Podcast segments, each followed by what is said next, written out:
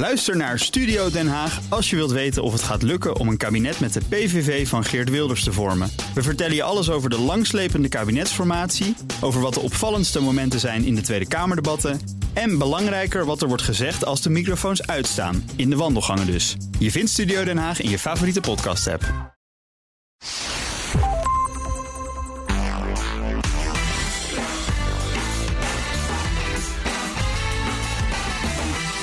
Welkom bij de Ben Tichelaar podcast bij BNR, de podcast over persoonlijk leiderschap. Waarom begint iemand die na 30 jaar in de kledingindustrie min of meer binnen is, nog een keer helemaal opnieuw? Sommige ondernemers zeggen in deze tijd van economische tegenwind: als je rood staat, kun je niet groen zijn. Hoe denkt onze gast daarover? Mijn naam is Ben Tichelaar en mijn gast in deze aflevering is Bert van Son. Bert, je bent oprichter en directeur van Mud Jeans vanaf 2012. Zeg ik dat goed? Ja, dat klopt. Ja. Uh, Vertel eens, waarom is duurzame kleding zo relevant? Mud is een duurzaam jeansmerk. Uh, jullie recyclen jeans. Uh, jullie zorgen dat jullie zeg maar, in de hele keten alles netjes doen. Waarom is dat zo belangrijk en hoe is dat op jouw pad gekomen?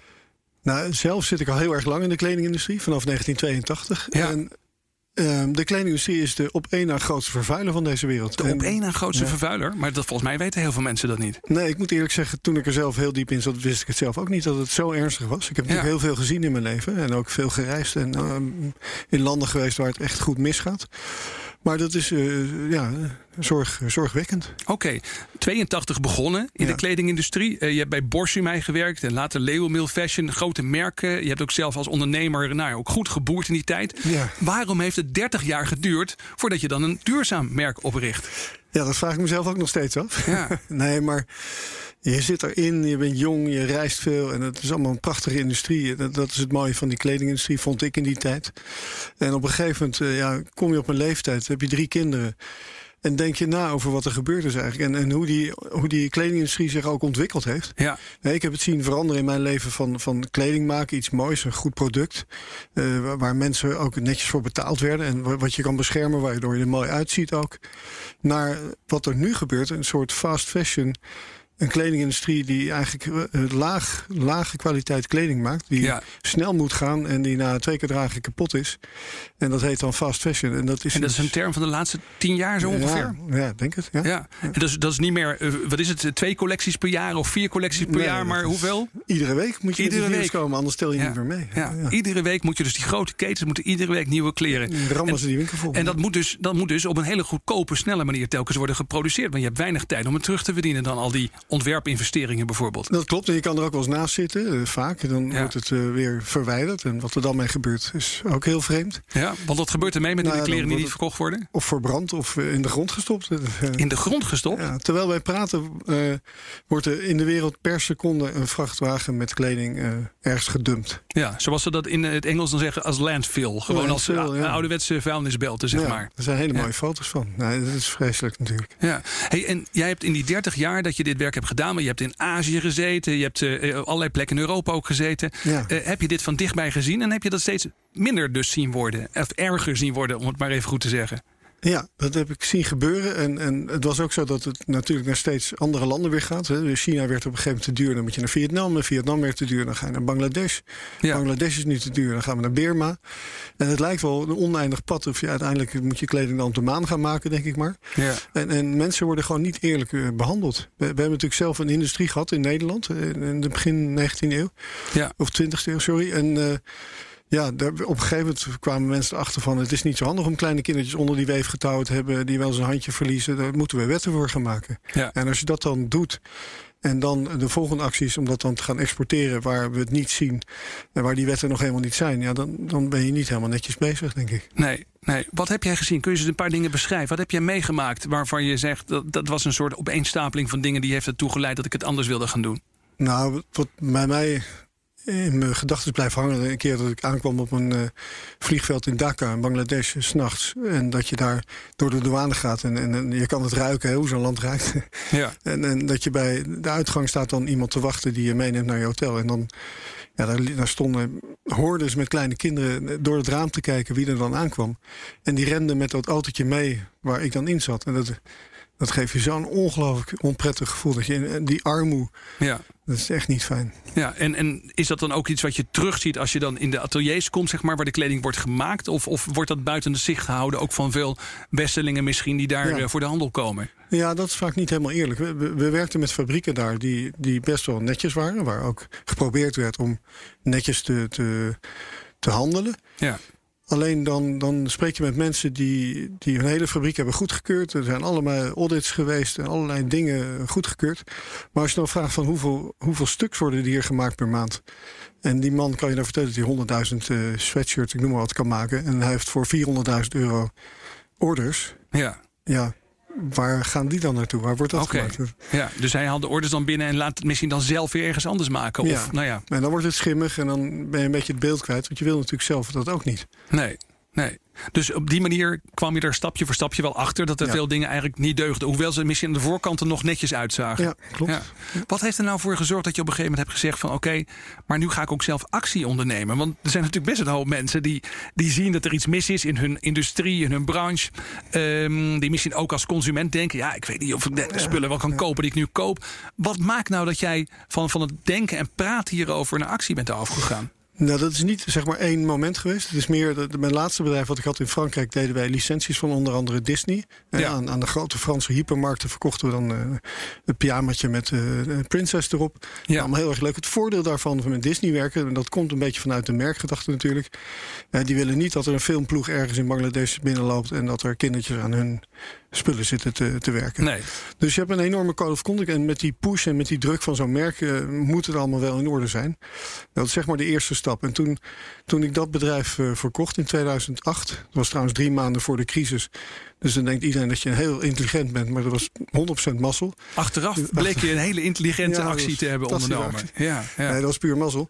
Maar goed, dan zit je ook ineens na de, bij zo'n crisis met een heleboel geld op je bankrekening. En dan denk je, ja, word ik hier gelukkig van? Of vind ik dat spannend? Ja, het is wel fijn om financieel onafhankelijk te zijn. Maar ja. uiteindelijk uh, dacht ik toen van nou ja, dan neem ik een jaar vrij. Want ik heb ook nog een jaarsalaris meegekregen. Dan, dan kon ik aan mezelf verkopen en dan neem ik een jaartje vrij. Ja. Maar dat, dat zijn er vier geworden. Dat beviel eigenlijk best wel goed. Okay. Dus ik ben met vervroegd pensioen gegaan. En ik moet nu straks met verlaat pensioen. En toen dacht ik van ja, waar zit mijn kennis? Waar ligt mijn netwerk? Wat heb ik gedaan in mijn leven? En, en waar is het fout gegaan naar mijn gevoel? En, en, en, als je er steeds meer over inleest en je gaat erover nadenken, dan kom je erachter dat het gewoon een hele uh, foute industrie is. Dus ik heb bedacht, we pakken het. Uh, het grootste artikel, de jeans. Hè. Iedereen heeft jeans.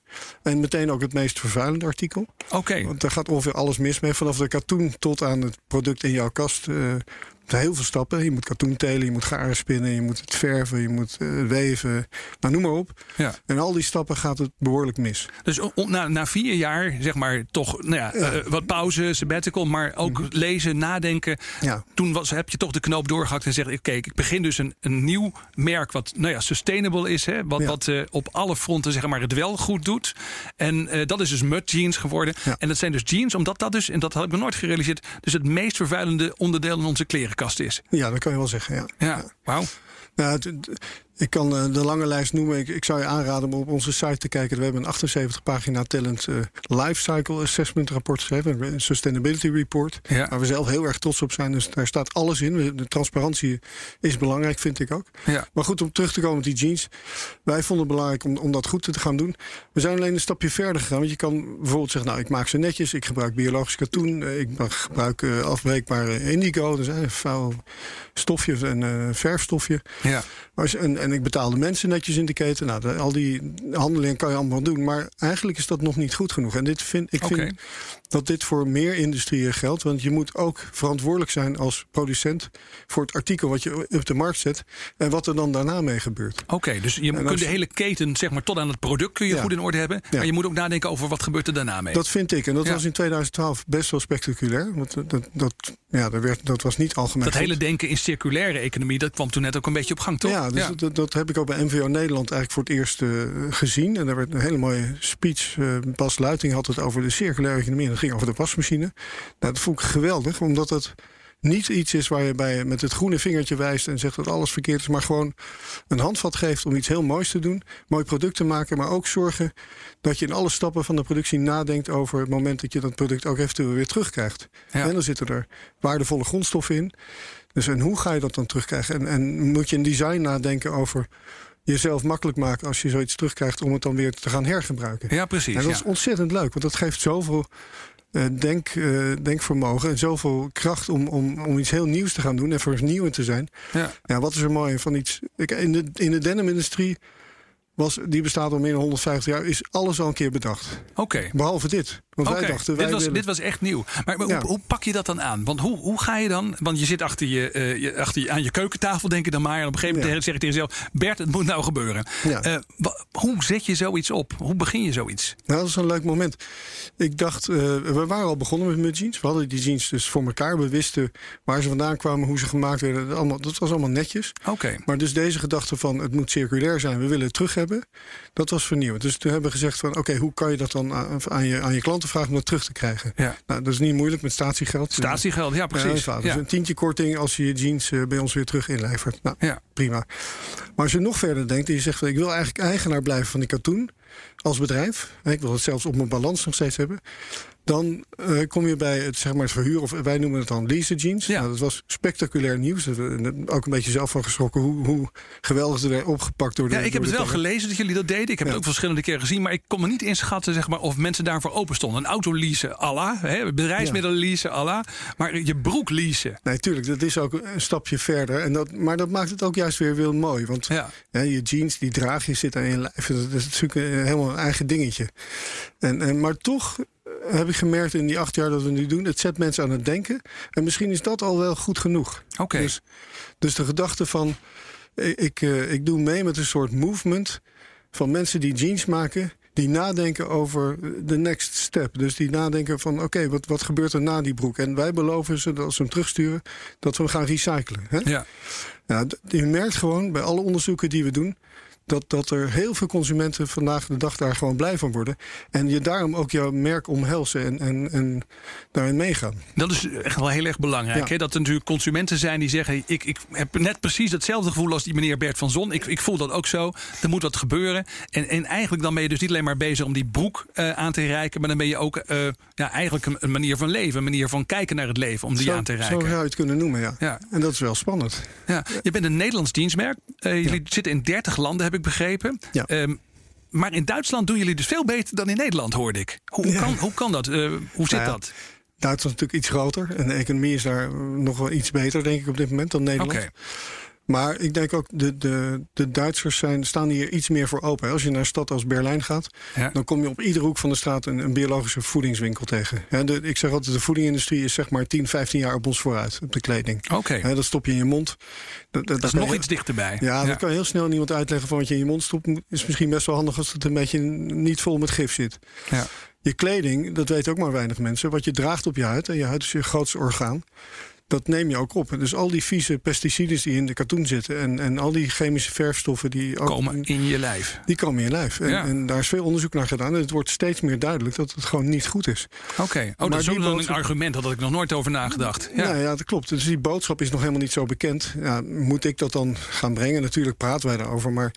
Uh, ja, de, onze stem is natuurlijk niet luid genoeg om dat echt heel erg door te laten dingen. Maar nogmaals, bij voedsel is het dus heel erg duidelijk.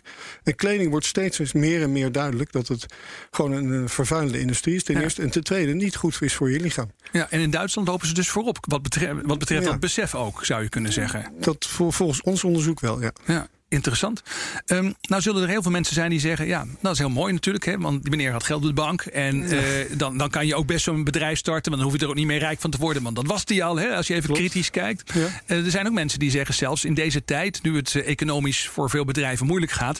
dat als je rood staat, dat je dan niet groen kunt zijn. En, Ja. en, en dat, hè, dat soort dingen hoor je op dit moment. Dus je zou kunnen zeggen... eh, is dit ook een tijd voor mensen die bijvoorbeeld nu luisteren... om ook serieus met verduurzaming bezig te zijn? Of zeg je, nou ja, dat, dat mag mag soms ook wel even wachten. Hoe, hoe kijk je daarnaar? Nee, ik, ik hoorde inderdaad die kreet laatst in een interview. Uh, ik dacht, ja, hoe, hoe kan je dit zeggen? Hoe kan je zeggen als je rood staat, kan je niet groen zijn? Want als ik dat vertaal, dan betekent dat dat als ik rood sta, dan mag ik alles doen. Dan mag ik mijn kleding door kinderen laten maken. Dan mag ik mijn gif bij de achterdeur lozen. Dan is alles toegelaten. Dat kan natuurlijk niet waar zijn. Dus uh, jouw vraag is, hoe begin je? Hoe begin je zoiets? Ja, ook, maar ook uh, op het moment dat je zeg maar, in economische lastige tijden zeg maar, nadenkt over duurzaamheid... dan snap ik wel dat sommige ondernemers er een beetje kritisch op zijn... of voorzichtig op zijn minst mee zijn. Nou, daar heb ik echt een tegenargument voor. Wij, wij hebben gemerkt vanaf maart nu... Hè, dat het een beetje een andere wereld is geworden, zou ik maar zeggen. Dat wij, wij noemen onszelf uh, crisisrobuust... Uh, en dat, dat houdt in dat wij ineens twee keer zoveel hits hebben op onze site. Oké. Dus mensen maken ineens andere keuzes. Het is ook een nieuwe klantengroep. Hè? De Xennials hebben we aangeboord. De Xennials, oh help me eens even. Ik, je hebt allemaal van die groep. hè? Dat, is... Welke leeftijdscategorie praten we hier over? Deze ken ik eerlijk gezegd ook nog niet. Maar dat is 35 plus. Die hebben ook ineens ontdekt dat je kleding online kan kopen. Ja. Dat is voor onze online winkel natuurlijk fantastisch. En dat is de helft van onze omzet. De andere helft doen we met die 30, uh, sorry, in 30 landen met die 300 winkeliers. Ja. En die winkeliers, dat zijn mensen, vaak jonge mensen. Die hebben een winkeltje op een B- of C-locatie. Dus die houden de kosten laag. Die hebben geen gigantische huur en dat soort dingen. En die konden gewoon doorwerken. En wij hebben een never-out-of-stock systeem. Dus wij maken wij maken seasonless collecties, noemen we. Ja. Eigenlijk Never out of stock, seasonless. dat zijn echt een beetje van die termen. Dan moet je even uitleggen aan mij. Ja, nou, wij werken dus niet in seizoenen. Wij vinden die vijf pocket broek die wij nu maken... en die ik hoop aan jou te verkopen... vinden wij volgend jaar ook nog heel erg mooi. En natuurlijk moeten we een beetje mee met washings... en met, met pasvormen en dat soort dingen. Maar daar zijn we heel voorzichtig en terughoudend mee. Oké. Dus dat betekent dat je aan alle kanten meehelpt in de business. Want ook voor onze fabrikant is dit heel erg prettig. Die kan het hele jaar door heeft hij een hele mooie vlakke flow van, van orders. En die weet wat hij moet gaan maken. We werken maar met vijf stoffen. Dus dat, we maken het onszelf heel eenvoudig. En aan de andere kant voor de, voor de winkelier. Die kan gewoon, wij zeggen altijd, koop maar klein in. Koop een klein beetje, test het vooral. Kijken of het goed verkoopt. En je kan de volgende dag eh, bestellen bij ons en dan hebben we het meteen bij je. Ja, dat is ook een manier van duurzaam werken. Zorgen dat je dus niet eh, enorme uh, stockpiles hebt, enorme voorraden, waar je dan later weer van af moet, omdat het weer een uh, nieuw modeartikel is gekomen. Ja. Nou, dat, dat is een heel groot deel van onze duurzaamheid. Ook moeilijk om uit te leggen, maar zo simpel is het. vaak zijn de meest simpele ideeën gewoon heel erg goed. En het grappige is dat je nu merkt dat de grote jongens uh, dit over gaan nemen. We hoorden laatst Gucci praten over een seasonless collectie. Die gaat dat okay. doen. Dus ja, dan zit ik wel een beetje te, te glunden in mijn, in mijn stoeltje. Want dan denk ik, ja, jezus, dat komt gewoon van ons. Ja, ja. Hey, en vertel eens, want je geeft ook best wel vaak lezingen voor andere ondernemers. Ik zag jou een tijdje geleden ergens op het podium staan. Dat deed je erg leuk. En mensen waren echt onder de indruk. Vond ik echt leuk om dat te, te, te merken. Hoe reageren andere ondernemers, ook uit andere branches, op dit verhaal? Nou, ik moet eerst even daarvoor zeggen dat ik helemaal geen speaker ben. En, en, en dat had ik ook nog nooit gedaan. Dus toen ik oh, dat acht, meen je? Oké. Nou acht jaar geleden, toen ik hiermee startte, uh, heb ik een uh, PR-bureau ingehuurd. En een dame die heeft me ongelooflijk geholpen vanaf het begin. En die zei, we gaan de pers uitnodigen en je gaat het podium en je gaat het verhaal vertellen. Jij moet het vertellen. En ik had zoiets van, nou, dit, dit, ga ik helemaal niet vertellen. Dat kan ik helemaal niet. En het zweet breekt me nu al uit. En ik moet zeggen dat ik uh, na die eerste keer het eigenlijk best wel heel erg leuk vond. Wel met trillende beentjes, maar daar stond maar toch... dat ik heb gemerkt dat... dat, dat de reacties van mensen vaak zo leuk zijn dat je daar heel veel energie van krijgt. En dat ik het eigenlijk wel leuk begin te, te vinden om, om, dit te doen. En dat ik merk inderdaad dat het heel veel mensen inspireert. Omdat je gewoon, ja, wie ben ik? Ik heb gewoon een, een goed verhaal, denk ik. Ik doe het. Uh, wij doen het met ons team. We krijgen een steeds leuker team. We trekken fantastische mensen aan. Mooie jonge mensen die intrinsiek gemotiveerd zijn om, om zo'n bedrijf zoals het. Ik heb wel eens gehoord dat jullie sollicitaties krijgen. Mensen open sollicitatie. Dat jullie dan zeggen er is geen plek. En dan zeggen die mensen dat maakt me niet uit. Dan kom ik toch. Ik kom toch. kom toch. Nou ja, dat, dat is zo. De eerste dame die bij ons is gaan werken, toen stond ik in Pakhuis te Zwijgen dit verhaal te vertellen over, over de circular economy en over mud jeans en over die boek ja. terugleven en over lease jeans. Nou, dat, was, dat is natuurlijk een enthousiast publiek, want daar sta je een beetje voor eigen parochie te, ja, te, ja. te, preken. Maar er kwam een meisje, na, na, of een jonge vrouw, na, na die speech naar me toe en die zei: uh, Meneer Van is een fantastisch verhaal, maar dat kan echt veel beter. Oké, okay, oké. Okay. Ik kom bij u werken. Dus ik zei ja dat kan niet, want ik heb helemaal geen budget en uh, dat gaat niet lukken. Dus, nee, maar, dus die heeft ontslag genomen. Een half, nou, twee maanden later belden ze mij. Ze, ik ga uh, Hyper Island doen, een social media uh, opleiding. Ze is al universitair ja. geschoold. En dan ga ik stage lopen bij u en dan zien we daarna wel hoe het gaat. Nou, die is nu mede aandeelhouder. Meen je? Ja, ja en die, die, ja, die heeft het hele merk neergezet. Ik bedoel, Dat is natuurlijk geweldig. Dat je, ja, dat, ja. Nou, dat maar dat zo'n verhaal trekt dus, maakt dus mensen enthousiast, ja. uh, trekt mensen aan. Maar nou, nog even, wil even terug naar de luisteraar, de ondernemer die aan de radio zit of die de podcast luistert en, die, en die dan zegt: Ja, oké, okay, goed, maar pff, wat moet ik dan doen? Wat, wat zijn nou voor jou. Uh, uh, echt beslissende stappen geweest onderweg naar het neerzetten van, van deze onderneming? Wat, wat was echt nodig? Wat heeft jou tijd en moeite gekost, maar wat echt belangrijk was?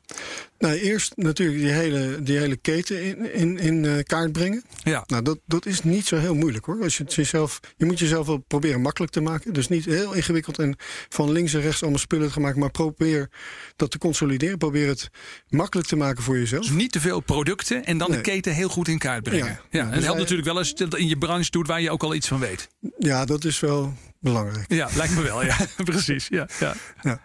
En als je dat voor elkaar hebt, dan, dan geeft je al een prettiger gevoel. Want dan, heb je, ook, dan kan je aan jezelf al zeggen van ik, ik, ik weet waar het gebeurt. Ik kan er zelf gaan kijken. Ik kan ook ja. zeggen, Ben, ga jij er naartoe?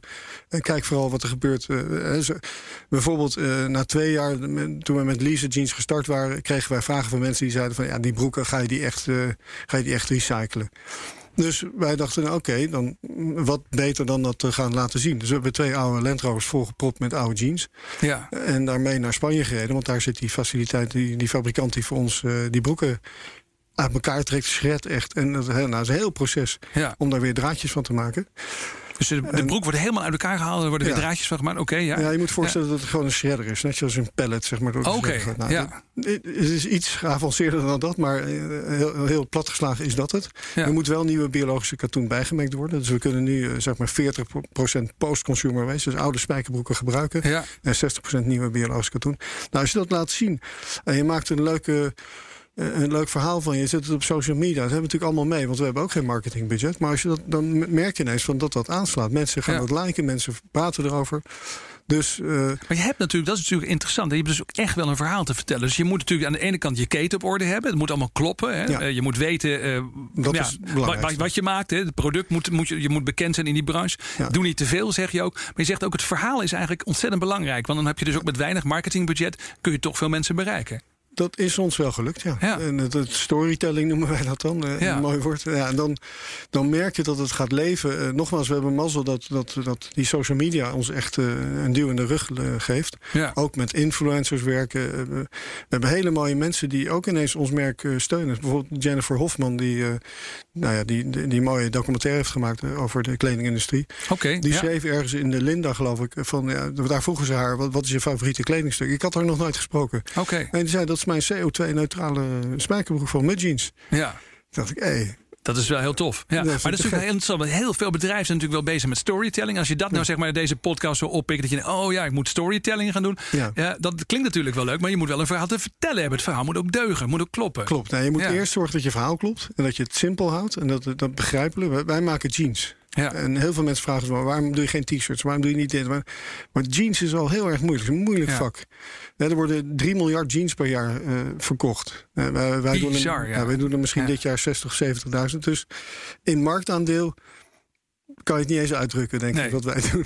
Maar goed, als je dat doet en je concentreert je erop... en wij zijn daar ook nog verdomd goed in geworden... omdat er ook een, een partner bij is gekomen... eh, twee jaar later die, die van een groot Nederlands merk kwam... en die zei, ik, ik vind het mooi wat jij doet, Ja. kan ik helpen. Die is ondertussen ook mede-eigenaar. En, en die heeft een hele mooie collectie neergelegd en, en gezet... En, en dat ook heel simpel gehouden met, met maar vijf stoffen. En, en daar hebben we hele mooie Ja. dingen van gemaakt. Nou, als je, als je dat doet en je hele verhaal klopt... en je kan het aan jezelf vertellen van... eh, ik, ik begrijp zelf ook wat ik doe... en ik kan Ja. het aan je moeder vertellen... Ja, dan moet je beginnen met, met dat uit te rollen... en, en die hele storytelling gaan doen. Ja, nou las ik ergens, en ik vond dat een, een, een, schitterend verhaal. eh, dat als jullie op een gegeven moment nog wat groter groeien. beetje- Ja, ik weet niet wat jullie omzet nu is. Maar je zei ergens, als we de 10 miljoen omzet aantikken. Ja. 10 miljoen euro omzet aantikken. dan ga je niet meer primair richten om, om Mudjeans zelf nog verder te laten groeien per se. Maar dan wil je dit concept, jullie werkwijze, eigenlijk de wereld overbrengen. Zodat er dus ook ondernemers zijn in Zuid-Amerika of in Azië. die hun eigen Mudjeans oprichten volgens jullie nou ja, Ja. be- beproefde concept. Ik vond- blueprint, ja. Ja. Grappig, hè? Ja, Ja. De mensen verklaren je volledig voor gek als je dat zegt. Maar wij, wij willen natuurlijk eerst naar economics of scale. Hè. We moeten Ja. een bepaald volume halen om, om ook echt goed geld te verdienen. En dat is belangrijk, want dan kan je blijven innoveren... en, en blijven onderzoeken en het, het beter gaan doen. Hè. Zo zijn we nu bijvoorbeeld bezig met de Road to 100, noemen we dat. Dat wij willen eigenlijk van oude spijkerbroeken, nieuwe spijkerbroeken maar. En niks meer bijmengen. Nou, dat is een andere uitdaging, maar goed. Ehm, wat was de vraag? Sorry. Nou ja, goed. Ja, dat is, dit is een technische innovatie waar je dan over hebt. Maar de blueprint die jullie dus aan het neerleggen zijn, die willen jullie dus gaan delen ook met andere ondernemers als je dus op een bepaald niveau bent ja, gekomen. Klopt, want, want het, is namelijk zo dat als ik uh, broeken de hele wereld over ga versturen. En, en bijvoorbeeld zegt dat er iemand in Amerika. Amerikanen vinden dit te gek wat wij doen. En die staan aan de deur te roffelen. Maar wij hebben zoiets van ja, we, we hebben nog heel veel werk in Europa te doen. Uh, wacht maar even. Ja. Maar het kan ook zo zijn, als wij groot genoeg zijn, dat we een Amerikaan daar vinden. Die zegt, nou, ik, ik wil het daar wel doen. Ik heb een fabrikant in, in Amerika ergens die jeans maakt. Ik heb iemand anders die kan dat shredden doen, wat die, wat die Spanjaarden nu voor ons doen. Die draadjes maken. En dan hou je het, zeg maar, soort van lokaal. Ja. Dus een, een beetje de manier waarop Tesla ook de technologie van de manier waarop ze, zeg maar, met die batterijen werken, dat soort dingen, dat ze dat ook zijn gaan delen met de rest van de auto-industrie. Om gewoon elektrische auto's een push te geven. Dat is toch fantastisch? Ja, dat is een heel mooi idee. ja. Ja. En dat is wat jij, wat jij wilt gaan doen, wat jullie willen gaan doen met Mud Jeans ook. Ja, want wij hebben ondertussen zoveel ervaring met circulair ondernemen. En we, we weten alles zo ontzettend goed. Dat heel veel mensen dit graag van ons willen weten. Daarom hebben we ook dat Sustainability Report gedaan. Daar staat alles in. Ja. Dus er is niks geheim. Wat trouwens heel normaal is. In de kledingindustrie is het vaak zo van... Oh, je moet vooral niet laten zien waar je het maakt en hoe je het maakt. Want dat is of er wordt heel vaag gezegd van... we werken heel hard aan onze sustainability. Ja, dat ja, zijn precies, mooie doelen. Nee, wij laten alles zien en doe het vooral na. Okay. Uh, ga naar onze fabrikant in, in Valencia, ga naar onze fabrikant in uh, Tunesië. Die, die maar dat is dus ook voor ondernemers die dit luisteren, dus heel interessant. Om gewoon eens te kijken, maar ook als je gewoon bij een bedrijf werkt die denkt, ja, bij ons bedrijf zou dat ook wel beter, beter kunnen. Dan moeten ze dus eigenlijk kijken naar dat rapport. Want daar staat dus van, van helemaal van het begin tot het einde in zeg maar, hoe, je, hoe je te werk gaat. En het is leuk, want, want we worden nu ook uitgenodigd. Ook, bijvoorbeeld uh, Tommy Hilfinger vroeg mij laatst ook om op hun uh, bijeenkomst, jaarlijkse bijeenkomst, wat te vertellen over Mudjeans. Oké. Okay. Dat vind ik prima. Want, dat is een ontzettend leuke uitnodiging. Ook wel bijzonder eigenlijk. Ja, ja nou, maar waarom niet? Ja. uiteindelijk gaat het erom dat, dat we de wereld zoals we hem nu ingericht hebben en, en uh, zoals we het nu doen, niet achter kunnen laten voor onze kinderen. Dus als wij, we hebben onszelf tot doel gesteld, uh, tweeledig zelf natuurlijk groeien. Uh, ja. Alhoewel misschien best wel een vies woord is, maar dat vind ik niet. Hè? Want wij hopen dat als iemand een mudjeans koopt, dat er dan tien andere broeken niet worden verkocht. Precies. Gewoon alleen al van kwaliteitsniveau. Maar het tweede is, wij kunnen gewoon een voorbeeldfunctie hebben in de hele denimindustrie. En dat is aan het gebeuren. Wij worden, we zijn echt een klein bedrijf. Dat geeft helemaal niet. Maar we worden overal genoemd. Ook door de grote jongens. Die allemaal kijken van... Nee, dat is een soort luizende pels. Die jongens laten zien dat het wel kan. En daar ben ik best wel trots op dat ons team dat voor elkaar heeft gekregen. En ook dat is prima. En ja. Wie had dat nou acht jaar geleden kunnen denken? Inderdaad. Ja, ja, ontzettend mooi verhaal. Zeg, uh, we moeten alweer afronden. Uh, Bert, wat is jouw uh, mediatip eigenlijk? Uh, iets waarvan je zegt, nou ja, als je hierin geïnteresseerd bent, dit soort dingen, dan moet je dit eens kijken of moet je dit eens lezen. Nou, dat is een beetje ook reclame voor onszelf, maar er is een tegenlicht uitzending over de donut economy van Kate Rayworth. Oh ja, dat boek. Uh, de donut economy, ja. Ja, dat vind ik zelf geweldig, want dat gaat nog iets verder dan een circulaire economie. Dat, dat houdt ook in dat, dat je naar de binnenkant van de cirkel kan kijken. Hè, als mensen geen, geen voeding kunnen krijgen, geen, eh, geen water hebben of geen medische zorg, dan, dan klopt het de samenleving ook in elkaar. En aan de buitenkant heb je natuurlijk de dingen waar we het vandaag over hebben. Dus een ondergrens uh, geeft ze aan, hè, waar, je, waar je boven moet zitten om een levenswaardig bestaan voor iedereen te kunnen verzekeren. Maar er is ook een bovengrens. Exact, ja. Nou, en, en dat vind ik een hele mooie. Uh, ja, een hele mooie uitzending. Dus kijk daarnaar. En, en het geeft ook wel aan dat het, dat het mooie daarvan is, het geeft hoop. Want als je kan thrive, hè, zoals zij dat noemt, met, een samenleving in die binnenste ring, oh, die middelste ring, dan, dan, dan kan je dus gewoon een samenleving hebben waar we met z'n allen gewoon goed kunnen leven. Prettig leven kunnen hebben. En, en, en dat vind ik mooi, want dat geeft hoop. En ik denk dat hoop belangrijk is voor de toekomst, omdat er heel veel dingen ja, negatief worden uitgelegd op dit moment. En, en, en, als je te veel naar duurzaamheid luistert, dan denk je wel eens: jezus, man, ik, dit, ik kan het helemaal niet. En, en dan dan raak je helemaal, kom je vast te zitten. En dat, dat moet niet. Dus... Nee, maar je moet ook handvatten hebben en voorbeelden. En inderdaad ook exact. denkers als Kate Rayworth die je helpen om zeg maar, hier toch uh, ja, om dit handen en voeten te geven. Dus het gaf mij ook hoop. Ik vind het een goede. Ja. Tegenlicht documentaire over de donut-economie. Gaan we kijken. Okay. Hey, Bert van Zon, erg bedankt voor het delen van je inzichten met ons. Dit was de Ben Tichelaar podcast bij BNR. Met deze keer als gast Bert van Zon van Mud Jeans. Vond je dit nou interessant? Dan kun je een paar dingen doen. Deel de podcast met andere mensen. Deze podcast met collega's, vrienden. Iedereen die af en toe wat inspiratie kan gebruiken in zijn werk. Check ook de andere afleveringen via bnr.nl of je favoriete podcast app. En abonneer je, want dan hoef je geen aflevering meer te missen. Dank voor het luisteren en tot snel.